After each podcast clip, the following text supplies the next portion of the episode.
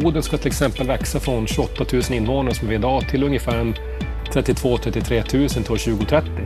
Så att det är, och allt som innebär mer. Vi måste bygga bostäder på löpande man. Vi måste få folk att faktiskt flytta hit från Sverige och andra delar av världen. Och sen har vi utmaningar också om eh, hur små kommuner som ska husera stora etableringar och det ska ske på kort tid, hur vi ekonomiskt ska kunna svara upp för det. Boden är en liten kommun. Vi har jätteduktiga tjänstepersoner på kommunen, vi har jätteduktiga företagare och andra, men här måste staten se över hur kan man stärka upp Boden eh, så att vi kan ta emot etableringen. För att den är till nytta för hela Sverige. Och då kan vi inte bara sitta och titta på oss och säga att jättebra jobbat uppe i Boden, utan då måste vi säga vad behöver ni för hjälp för att kunna lyckas med det här? Världens första anläggning för att tillverka grönt stål, H2 Green Steel, det ska byggas i den lilla kommunen Boden. En etablering som hela landet kommer att tjäna på, men för att det ska lyckas så krävs det att staten går in och stöttar Boden ekonomiskt. Det här menar Bodens kommunstyrelseordförande Claes Nordmark som du får träffa här i Bopolpodden i ett fördjupat samtal om allt som händer i norr, alla enorma investeringar som södra Sverige inte riktigt hänger med på. Fattar inte den enorma expansion som sker i norra Sverige just nu. Han berättar om utmaningarna och om alla möjligheter som finns. Han är optimistisk, det kommer du att höra. Varmt välkommen till Bopolpodden, ett enormt intressant samtal. Jag heter Anna Bellman, är väldigt glad för att få fördjupa den här frågan som jag brinner lite extra för, kanske för att jag är norrlänning, det vet man inte, men för att det är så intressant att följa en otroligt spännande utveckling.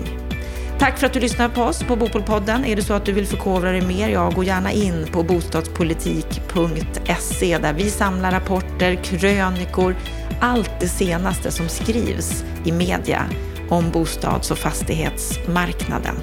Nu ska vi få träffa Claes Nordmark.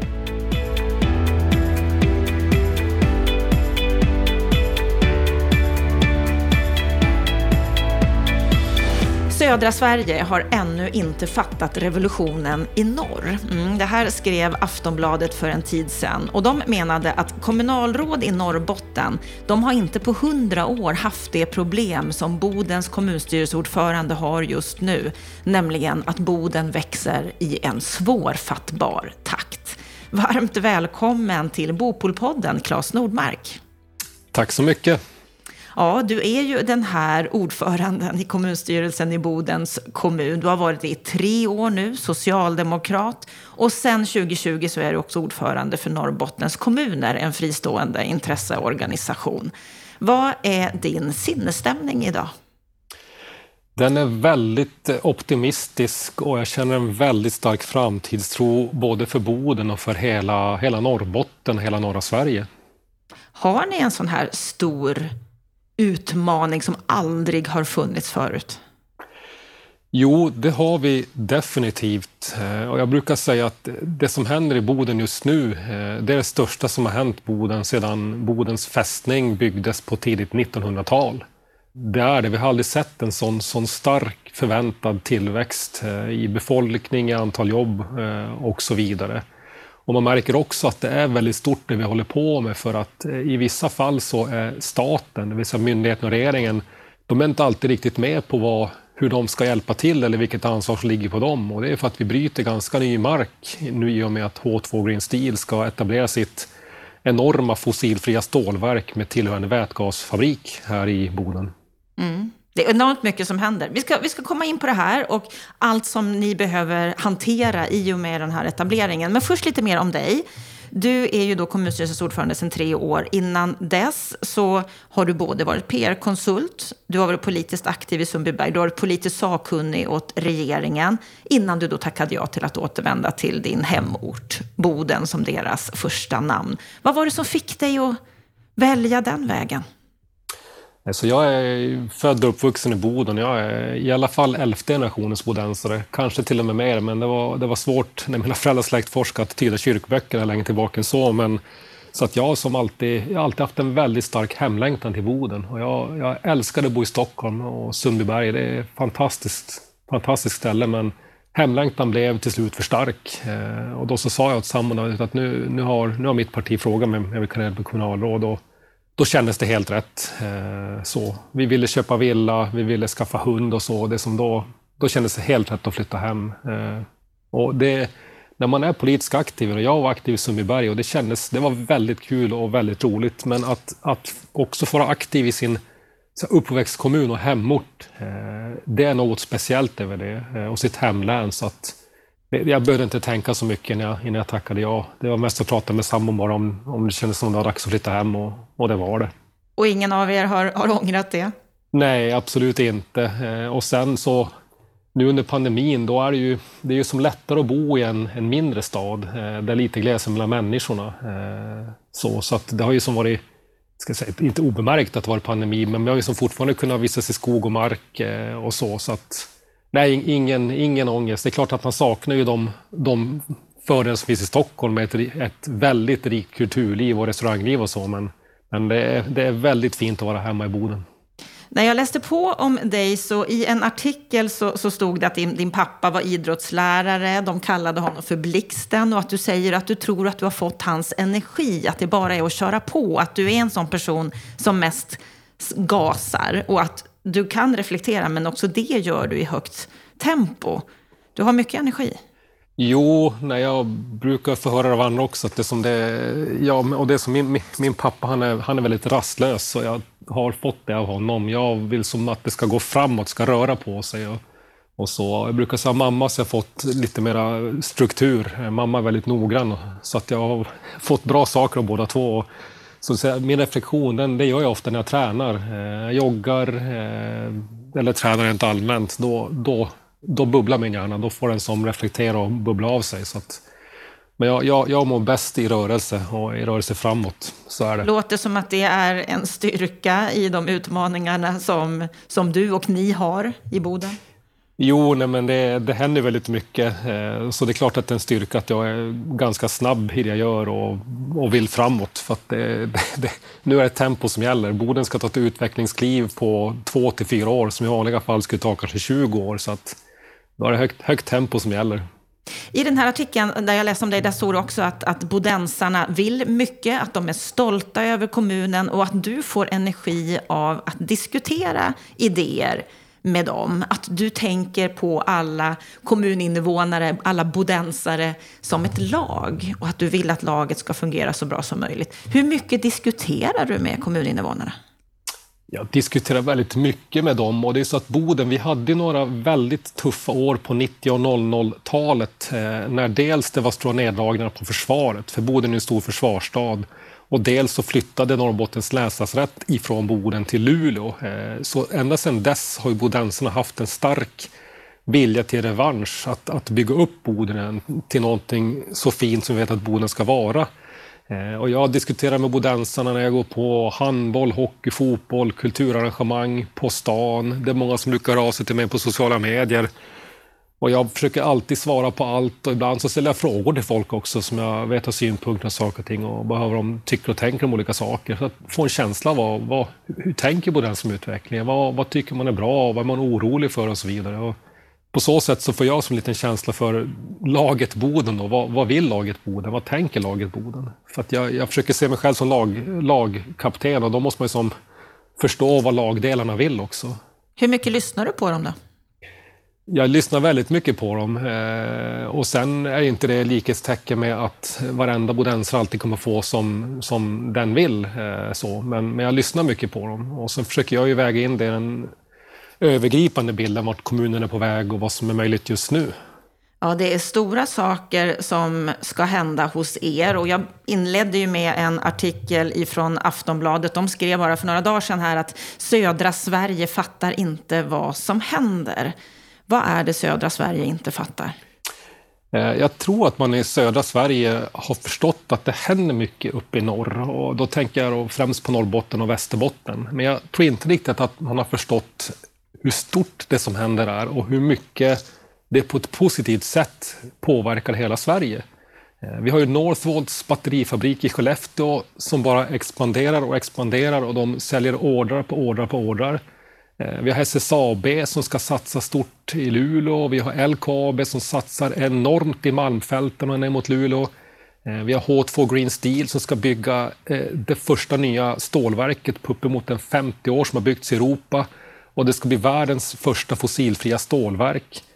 Och allt det här, det är så att över 1000 miljarder ska investeras i norra Sverige fram till 2045. Av det vi känner till idag och det kan bli ännu mer.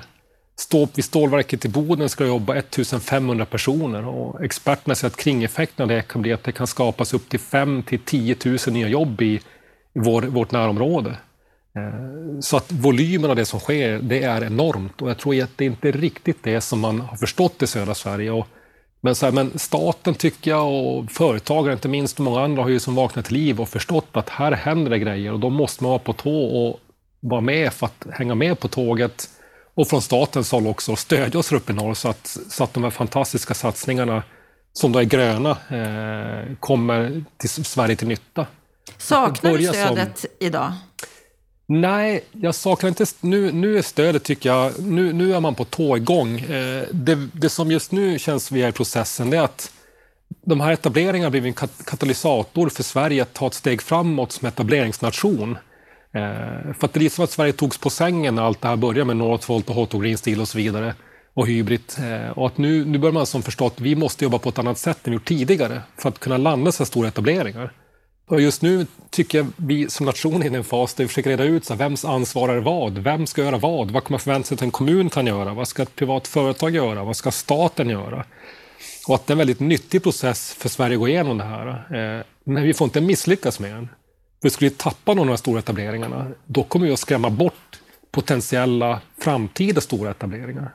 Men finns den här ganska... översikten över vem som ska göra vad, tycker du? Ja, inom vissa områden och inom vissa områden inte. Eh, där vi bryter ny mark, där är det fortfarande...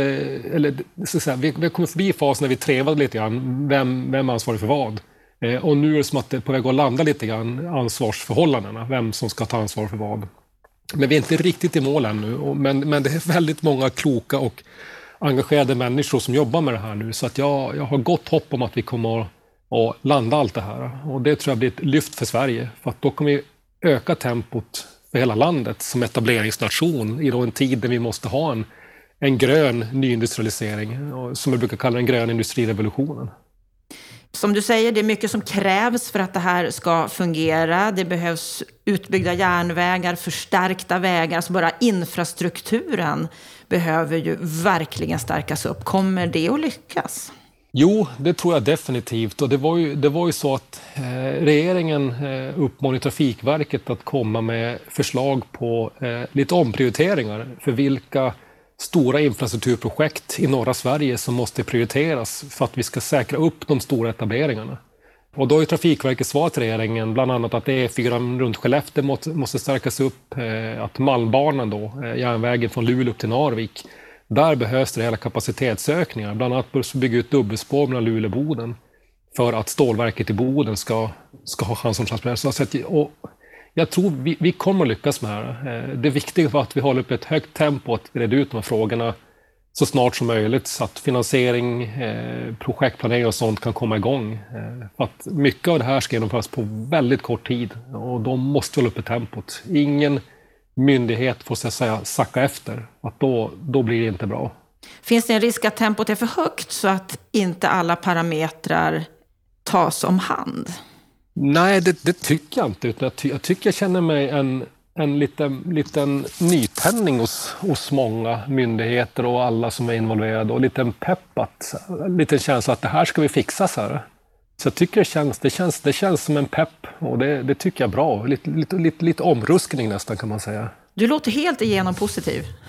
Jag är superpositiv. Eh, det är jag och det, men det, det ingår mitt uppdrag också som kommunalråd att tro på det här och, och driva utvecklingen framåt. Men, men lyckas vi med det här, då, ja, men du, då går vi in i ett nytt kapitel i, i Sveriges industrialisering. Men vad är svårigheten? Vad är utmaningen? Svårigheten? Vi har, vi har här, fyra övergripande områden man kan säga är svårigheter. Eh, dels är det då tillståndsprocesser kring så stora, stora projekt eh, som H2 Green Steel och andra. Eh, där är ju Sverige tyvärr internationellt känt som ett land där det tar ganska lång tid och vi är inte speciellt förutsägbara heller i, i vad, hur en tillståndsprocess ska komma att landa. Så där måste vi få upp tempot eh, och där har ju regeringen eh, signalerat att det, det måste vi göra. Oavsett om man fått ja eller nej på en ansökan som företag så måste man ju få det inom rimlig tid. Annars vill man ju inte ansöka. Men där tycker jag att det är på väg åt rätt håll. Sen har vi som sagt infrastrukturfrågor. För sådana stora, stora projekt där man producerar saker, det kräver ju infrastruktur. Eh, väg, järnväg, eh, hamnar, flygtrafik. Eh, sen har vi frågan om kompetensförsörjning också. Eh, här uppe i norr så är vi ju inte fullt lika många människor per kvadratkilometer som man är i mellan och södra Sverige. Och här måste vi få fler människor att flytta hit till jobben som växer fram. Eh, och det är en spännande utmaning. Boden ska till exempel växa från 28 000 invånare som vi är idag till ungefär 32-33 000 till år 2030. Så att det är, och allt som innebär med. Vi måste bygga bostäder på löpande man. Vi måste få folk att faktiskt flytta hit från Sverige och andra delar av världen. Och sen har vi utmaningen också om eh, hur små kommuner som ska husera stora etableringar och det ska ske på kort tid, hur vi ekonomiskt ska kunna svara upp för det. Boden är en liten kommun. Vi har jätteduktiga tjänstepersoner på kommunen, vi har jätteduktiga företag och andra, men här måste staten se över hur kan man stärka upp Boden eh, så att vi kan ta emot etableringen, för att den är till nytta för hela Sverige. Och då kommer vi inte bara sitta och titta på oss och säga att jättebra jobbat uppe i Boden, utan då måste säga vad behöver ni för hjälp för att kunna lyckas med det här? Och hur mycket hjälp behöver ni? Ja, vi har sagt att tillsammans med Luleå så har vi skapat en projektorganisation mellan kommunerna, mellan de kommun, kommunerna och de kommunala bolagen eh, för att lyckas hantera allt det här. För vi måste projektera för bostäder, för att skapa attraktiva miljöer där folk vill bo, hantera infrastruktur och så vidare. Och vi har sagt att rent projektledarmässigt i kommunerna skulle vi behöva ungefär 150 miljoner tillsammans för att krasst kunna anställa fler folk som jobbar med, med projektering, med planering, med utveckling eh, på kommunerna. Och om vi får det i bidrag eller vi skulle få det i någon sorts höjd kreditgaranti hos Kommuninvest så vi kan låna mer eller vi kan få undantag från det balanskrav som finns på kommunerna. Det är egentligen inte så viktigt, eh, men vi måste ha tillgång till de här pengarna nu. För att det är nu det här sker. Kommer Sen kommer vi kunna betala tillbaka det. Jag tror att vi kommer att lösa ut det, men det här är en sån typisk fråga där vi som nation inte är med på hur vi ska hantera det riktigt och vems ansvar det är. Eh, men, men ja, vi, må, vi, vi, behöver verkligen få det och får vi inte får vi lösa det i alla fall. Men vi skulle verkligen behöva de pengarna så att vi kan, fatta, att, så här, vi har ju de pengar vi har i kommunen. Och vi, annars får vi talla på saker som välfärden istället för att projektera med det här. Och det blir inte heller riktigt rätt att, att Boden ska stå och Luleå ska stå för risken för hela Sverige för ett så stort stålverk. Så att, här, här är ett område där vi försöker bena ut med staten. Hur, hur kan vi reda ut det här så att vi får mer pengar just nu som vi sen kommer ta tillbaka när vi fått en högre skattekraft? Och vems är ansvaret här, skulle du säga, för att lösa ut det? Ja, just, just nu så är vi från kommunerna som trycker på mot, mot eh, ja, regeringen och myndigheter och andra i, i hur, kan, hur ser ni att ni kan hjälpa oss med det här? Vi behöver lösning. Jag menar, det är, just nu är vi kommuner som trycker på eh, uppåt mot den nationella nivån på olika sätt eh, och försöker reda ut och få stöd. Så det, det, är inte helt utrett ännu. Inte, jag, jag, jag, såg, eh, jag såg på Instagram att du träffade landsbygdsministern och civilministern häromdagen för att diskutera utvecklingen i norr. Var, var det ett givande samtal? Det var ett väldigt givande samtal och båda, båda de statsråden är väldigt kloka och, och lyhörda. Eh, och var ju måna om. Och de, de kom ju själv, civilministern från Haparanda och landsbygdsministern från Åre, så att de är ju medvetna om hur det ser ut i små kommuner. Och när man får en så här stor och positiv utmaning som vi fått i Boden med att få ett fossilfritt stålverk, då förstår de att det här det är en utmaning för, för kommunerna. Så att de, de är väldigt intresserade av att diskutera hur, hur staten kan hjälpa till. Mm, då får vi hoppas att det inte bara stannar vid en diskussion, utan att det händer något också, så att ni klarar ut det här. För det är ja. otroligt mycket som ska ske. Så är det. Så är det. Du, du har ju jämfört den här, eh, de här otroligt många arbetstillfällena, bara i fabriken 1500 som du nämnde här förut, kanske 2000 jobb till i olika kringnäringar. Och då har du berättat att en etablering som den här i Stockholm skulle innebära 150 000 nya jobb. Det är ju en bra jämförelse bara för att förstå omfattningen, ja, hur stort precis. det här är ja, och det var mitt, mitt sätt att försöka pedagogiskt förklara för människor som till exempel bor i Stockholm att så att man förstår vilken impact, vilket in, in, nedslag det blir i Boden här och hur häftigt det är. Men hade det varit 150 000 jobb i Stockholm, det, det hade inte gått obemärkt förbi direkt. Så då hade vi förstått som att oj, här måste vi som ta i alla tillsammans. Mm. Och många som kommer att, att jobba hos er i ert område, de kommer ju också bo i Luleå. Det är inte jättelångt emellan, drygt tre mil. Och sen har vi Piteå, Kalix, Älvsbyn. Att ni, de här orterna tillsammans, är den största arbetsmarknadsregionen norr om Uppsala. Det är en enorm styrka och det, det, tror jag inte ens att eh, människor som bor här riktigt tänker på det på det sättet. Eh, för det man brukar, en arbetsmarknadsregion, man brukar definiera det med att det är en timmes enkel väg till jobbet, att pendla. Eh, och en timme enkel väg till jobbet, menar, i Stockholm, det är inte ovanligt att man har en timme till jobbet. Så att det är en enorm styrka att vi är, att vi är så stora tillsammans. Och, det, och H2 Green Steel, det blir också som en katalysator för att nu, redan, redan nu i våra grannkommuner att folk vill köpa industritomter, eh, eh, man bygger bostäder med en annan framtidstro och så. Och de säger att mycket beror på att det händer så mycket här nu med stora grejer, inte minst H2 Green Steel. Så det är en styrka att vi har den, den närheten till varandra. Ja, och ni behöver ju enormt många bostäder som, som du har nämnt här. Och ni släpper ju nya tomter, exempelvis i Sävast. De går ju åt på bara någon minut, har jag förstått. Men, men räcker det ni gör inom det här området? Vad behöver ni göra för att möta upp mot behovet? Eh, jo, men som du säger, när vi släpper villatomter i Boden, då går de som, som, som smör i Småland, höll jag på att säga. Det går väldigt snabbt eh, för folk att boka upp dem och börja bygga. Och Eh, Eh, I Boden hade vi en, en befolkningsöknings, ett befolkningsökningsmål redan innan vi kunde tillkännage H2 Green Steels etablering. Eh, så att vi, har, vi har redan en, hade redan en plan i Boden för att växa och visste hur mycket vi skulle behöva öka med antalet lägenheter, villor, förskoleplatser och så vidare. Det som händer nu egentligen var att vi måste som skruva upp ratten på den planen så att vi vet att om vi ska växa och bli, säg 32 000 invånare i Boden 2030 då behöver vi bygga ungefär 3200 bostäder, då villor och lägenheter, eh, fram till 2030. Så att vi har ett par koll på vad som göras och vi har väldigt många eh, som vill bygga i Boden nu, som äntligen har förstått att det är, det är ett bra ställe att bygga på.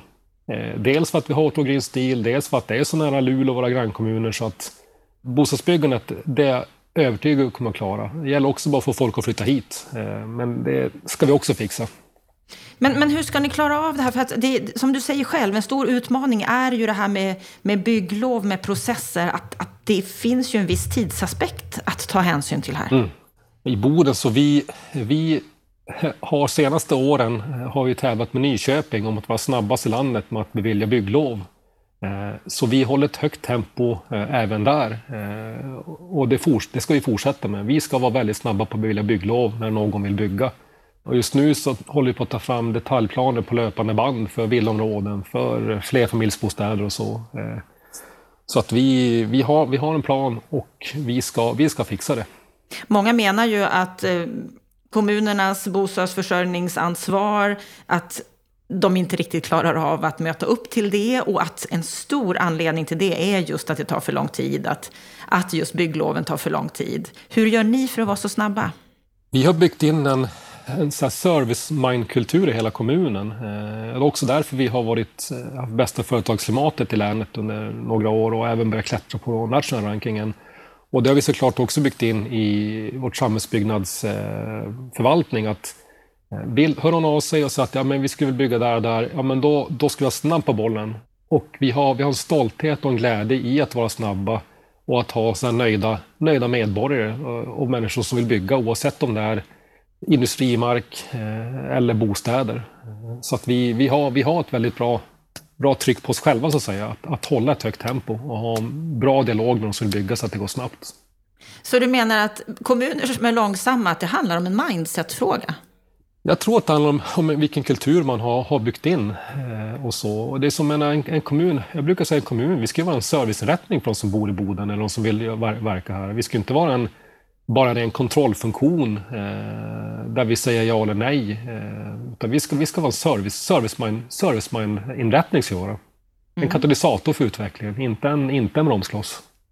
Det finns en väldigt bra artikel i Fastighetstidningen om hela er utmaning. Du uttalar dig mycket i den artikeln. Och där uttalar sig också den största privata fastighetsägaren i Boden, Vikstens Fastigheter. Och han är lite skeptisk till den här höga farten som ni håller. Och han säger så här att jag har full respekt för att politikerna eldar på och anser att det är bråttom med att bygga nytt. Och det har jag sagt till Claes. Men vi behöver lite mer kött på benen innan vi drar igång. Ju mer konkret etableringen blir, ju enklare för oss att fatta beslut, säger då Dennis Viksten på Vikstens Fastigheter. Förstår du hans invändning här att det blir lite snabbt?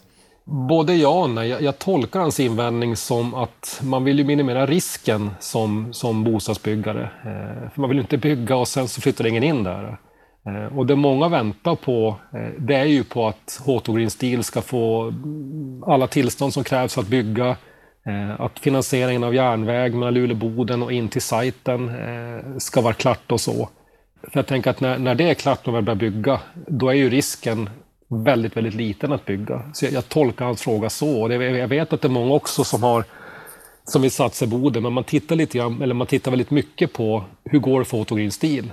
Hur blir det av? Jag menar, då blir catch-up-effekten enorm. Eh, och även om allt ser väldigt ljust ut så förstår jag att man inte vill ta för mycket risk innan man vet att nu kör vi. Ja, men när vet vi att det blir av? Ja, H2 Green Steel har ju av Mark och miljödomstolen i Umeå begärt ett förhandsbesked nu någon gång under våren om hur deras eh, slutliga besked som förhoppningsvis kommer framåt sommaren ska se ut. Och det har väl de antytt att de nog bör kunna ge. Och sen är också infrastrukturfrågan och där jobbas det för fullt på med att få till en finansieringslösning. Och jag upplever det som att det är så pass tunga statliga aktörer med där som har tagit tag i frågan på allvar. Och även privata finansiärer. Så att jag... Allt annat än att vi lyckas med det, det vore ett, ett rejält nederlag. Vad händer om det inte blir av? Så att i Boden så har vi, vi har, vi har fått upp trycket som sagt i utvecklingen redan innan vi tillkännagav att H2 Green Steel ska etableras i stålverk. Vi är framgångsrika inom näringar som miljöteknik, eh, inom besöksnäringen, eh, inom digitala kreativa näringarna. Vi håller på att eh, vi har en enorm tillväxt inom dataspelsindustrin i Boden som vi startade upp från noll 2017. Vi har hästnäringen växer starkt så att vi har väldigt mycket som på gång i Boden och Försvarsmakten eh, ska av förklarliga skäl eh, med tanke på säkerhetsläget i världen ska ju växa rejält också och då kommer Boden att ha en tillväxt även där. Alltså redan, redan innan eller utan H2 Green Steel har vi en väldigt positiv utveckling. Sen så är det klart att H2 Green Steel, som jag sa, det är ju det största som skulle hända Boden sedan Bodens fästning byggdes, eh, om det blir av. Och det är klart, det, det ska bli av. Det, det, finns inget annat. Eh, men även utan så har vi en väldigt bra utveckling. Mm. Du är optimistisk även här. Du ser inte Jajamän. det här riskscenariet riktigt framför dig. Jo, det är klart det är riskscenariet, men jag jobbar ju inte, mot, jag jobbar inte med som mål att det inte ska bli av, jag jobbar som att det ska bli av. Så att jag ser alla utmaningar och så ska vi beta av dem en för en tills, tills allting är klart. Jag tänker på ett, ett citat ifrån den här artikeln i Fastighetstidningen eh, som du sa att vi i Boden är tjuriga som när vi spelar hockey. Det är inte alltid snyggt, men vi vinner. ja, men så är det. Den som of, inte alltid, men ofta är det så att den som vill mest vinner. Eh, och det gäller att vilja mycket och bita ihop och köra på. Och sagt, vi hade i Boden, vi hade riktigt tuffa år på 90 och 00-talet. Eh, vi var uppe i 30 000 invånare och vi backade till 27 000 på bara några år. Vi tappade så 10 procent av vår befolkning eh, när vi tappade sjukhuset och delar av Försvarsmakten. Eh, och sedan dess har bodensarna kämpat på fram dit vi är nu. Eh, och det är vi själva som byggt upp de här förutsättningarna. Så att vi är rätt tjurskalliga, som, som många norrbottningar är. Och det, I längden så kan det löna sig att man, man biter ihop och jobbar på. En annan utmaning, och som många privatpersoner inte minst upplever väldigt besvärligt i de här tiderna, det är ju elen. Alla de här satsningarna i norr kommer att kräva sammanlagt 70 terawattimmar el. Det motsvarar alltså hälften av Sveriges totala elproduktion. Kommer ni att klara det? Den frågan tycker jag bör ställas till eh, politiker och myndighetsföreträdare på nationell nivå. För att det vi gör här uppe, det är att vi vi drar nytta av den el som produceras här uppe. Det är vad vi tänker vi ska göra i den gröna omställningen. Eh, hela världen skriker efter hållbara gröna lösningar inom industrin och annat och då måste vi ta hand om det. Sen är det nationella nivån som måste se till helheten. Hur ska vi klara elförsörjningen till hela Sverige? Och där tycker jag att det har, det har väl varit lite långsamt. Och det är väl också en del av det här att södra Sverige inte riktigt har förstått vad som händer där uppe och hur, och hur stort det är. Att man måste förstå, och det, sagt, det, det, tycker man börjar göra nu, att det måste produceras mer el i hela Sverige. Eh, man kan inte förlita sig på att bara tanka el från norra Sverige söderut, för att vi kommer använda allt mer av den elen här uppe. Och el är en råvara som så mycket annat eh, mår bäst av att användas där den produceras. Att frakta el söderut via ledningen, då tappar man el längs vägen. Så att om vi kommer klara oss som nation, det hoppas jag verkligen, men det är upp till nationella nivån att, att hantera. Men ni där uppe klarar er, för ni producerar tillräckligt mer? Jo, här finns det än så länge mycket el, men det, det kommer väl också komma till en punkt kanske när vi, vi måste på något sätt ja, bygga ut mer. Och vi har ju byggt med vindkraft där uppe, så det är så att Försvarsmakten har ju starka intressen där uppe, eh, ibland av att det inte ska finnas eh, vindkraft för försvarets verksamhet. Så att vi kommer komma till en punkt där det är färdigbyggt vindkraft upp också, så, men än så länge har vi el, men det, det kommer nog bli tajtare upp också ifall vi fortsätter i samma snabba tempo. Ja, och tempot är högt och som du har sagt behöver vara högt för att klara av den största industriboomen sedan början på 1900-talet. Om vi ska försöka sammanfatta era utmaningar och möjligheter, Claes, framåt. Det är mycket som ska hända på kort tid. Ni ska klara av infrastruktur, ni ska klara av elproduktion, ni ska klara av att eh, bygga bostäder. Ni ska klara av att attrahera människor att komma till er. Hur ska ni lyckas med det? Det var, jag tror LKAB som gjorde en, en, en eh, undersökning i hur människor i, eh, som inte bor i norr, i resten av landet såg på att eventuellt flytta hit. Och det var, jag var väldigt positiva siffror. Jag tror det var nästan 30 procent av de många som var beredda att flytta hit. Jag menar, så, så många av Sveriges folk behöver inte flytta hit. Det räcker med att 50 till 100 000 kan tänkas flytta till Norrbotten och Västerbotten. Eh, så, så att jag tror att det finns en nyfikenhet och en öppenhet och att den här gamla bilden av norra Sverige som ganska tråkig, så jag tror att den börjar försvinna. Och sen tror jag också att eh, värden som att ha ett prisvärt boende, att ha nära till förskola, skola, bo i en trygg miljö, en trygg stad, Eh, intresse för naturen, allt det där tror jag har fått starkare kraft i Sverige idag. Eh, så jag tror att vi, vi kommer att få folk att vilja flytta hit. Men sen kräver det också såklart att vi har att vårt samhälle är trevligt att bo i. Boden fick i fjol till exempel pris som Sveriges föreningsvänligaste kommun. Eh, och det är också ett, ett, ett, tecken på att vi gör någonting rätt. För ett, ett rikt föreningsliv gör ju också att en kommun blir trevlig att bo i. Några kulturföreningar, idrottsföreningar, friluftsföreningar och så vidare. Så att allt det där, det är, det är intressant att, att, att jobba med det. Men jag tror att vi är på helt rätt väg där tillsammans med våra grannkommuner. Ni är på helt rätt väg. Du är optimistisk även här. Kommer södra Sverige att fatta vad som händer i norr? Det kommer de att göra. Eh, och just när Northvolt går så, så starkt och så snabbt, det har ju varit en ögonöppnare för många. Att Facebook för ett antal år sedan valde att lägga sina serverhallar i Luleå och fick många att förstå att det hände grejer. Stadsflytten av Kiruna för att LKAB ska bryta malmen. Jag menar, allt det där gör att folk förstår att det är som det händer stora grejer här. Och när vi börjar bygga stålverket, eh, då tror jag också att eh, det kommer bli en, en, en ögonöppnare för folk. Så att det, vi är på god väg att få hela Sverige att förstå vad som händer. Och, men ju, ju förr alla förstår, desto bättre för hela Sveriges utveckling. Då vill jag önska dig stort lycka till. Att fortsätta hålla tempo och vara optimistisk för ett bra mindset. Det är inte bara viktigt när det gäller snabba bygglov. Det är ju viktigt i hela den här processen och utvecklingen. Tack så mycket Anna. Jag är obotlig optimist vad gäller norra Sveriges utveckling. Det här ska vi fixa. Ja, det låter bra. Stort lycka till och tack för att du var med i Bopolpodden. Tack så mycket Anna.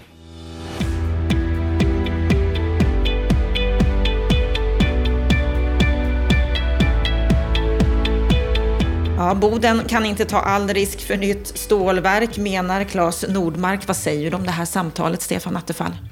Det är kul att lyssna på hans energi, hans optimism.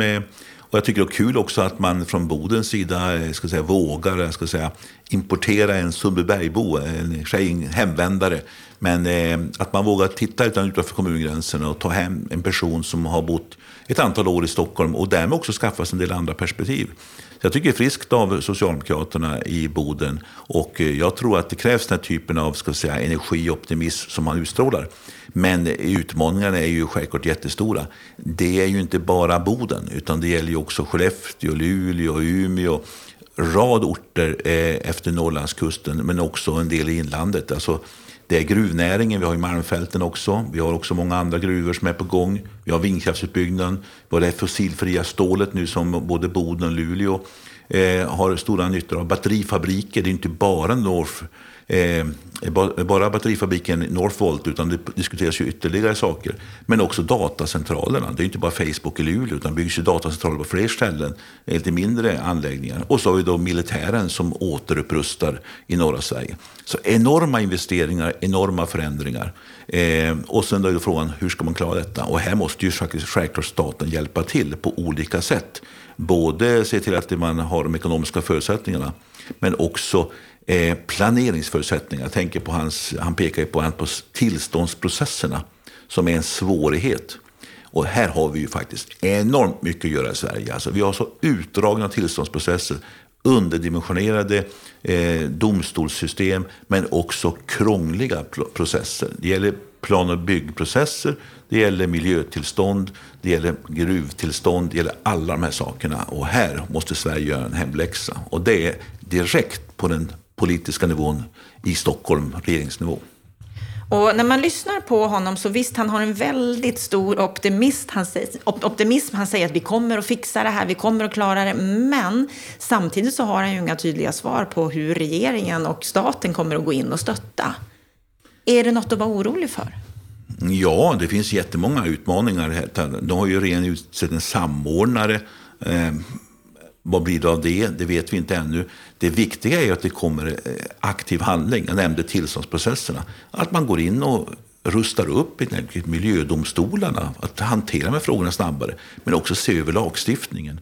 Jag menar, vi ser ju diskussionerna kring exempelvis eh, LKABs eh, tillståndsansökan, miljötillstånd för, för gruvan som stupade på formalitet. Vi har sett situationen nere i, på Gotland också kring cementfabriken.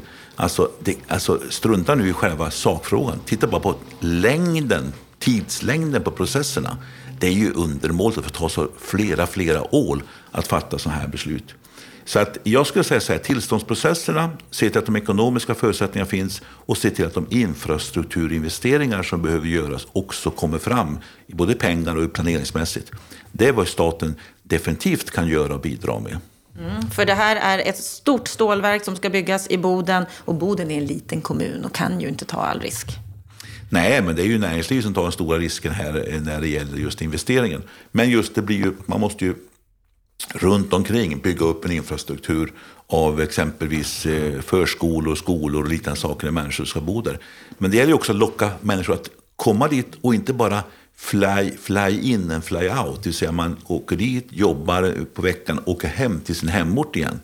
Vilket ju en, finns en tendens till i många av de här orterna. Alltså du får inte hela familjen att flytta med. Och när ska du få familjen att flytta ner? Ja, då är det klart att det finns en band till orten. Det underlättar ju, typ att man kommer från orten sedan gammalt. Men det andra är ju att då vill ju familjen ha ett attraktivt boende.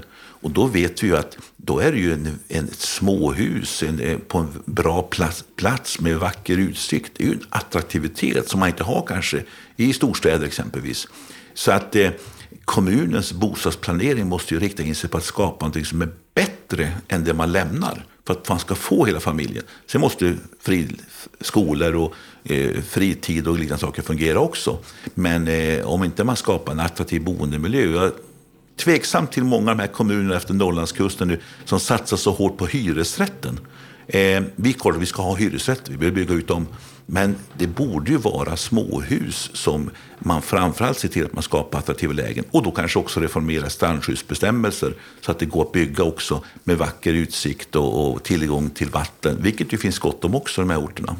Och även här så låter ju Claes väldigt positiv, menar att de har ju tomter de släpper som i och för sig går åt på några minuter bara, men att de också är väldigt snabba när det gäller bygglov, att de är i princip snabbast i landet där.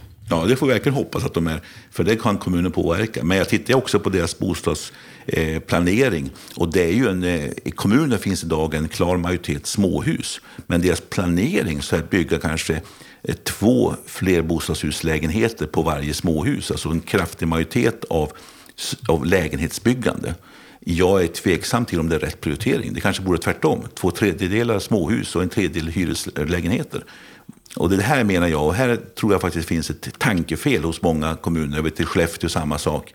Att man inte satsar på att få dit eh, människor till att äga sin bostad och, och ett småhus som man trivs med och därmed också få dit kanske hela familjen. Jag är rädd för att man får för många som pendlar, för många som bor tillfälligt, för många som ser det här som ett jobb som man gör något år och sen så åker man tillbaka på helgerna till sin familj någon annanstans.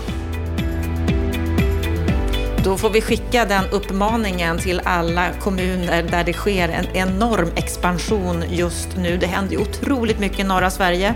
Enligt artikeln i Aftonbladet så fattar inte södra Sverige vad som egentligen pågår, men vi börjar ju få upp ögonen och vi kommer att följa det som sker i Norrland, för det är väldigt mycket. Och tänk på att bygga småhus, för då kan attraktionen öka. Stort tack för att du har varit med och lyssnat på Bopolpodden. Den här veckan, på fredag, är vi tillbaka igen med veckans Aktuellt. Det mest intressanta som vi har fiskat upp under veckan som har gått när det gäller bostad och fastighetsmarknaden. Med detta så önskar vi dig en riktigt trevlig vecka och vill du läsa mer, gå då in på bostadspolitik.se. Ha en riktigt bra vecka nu.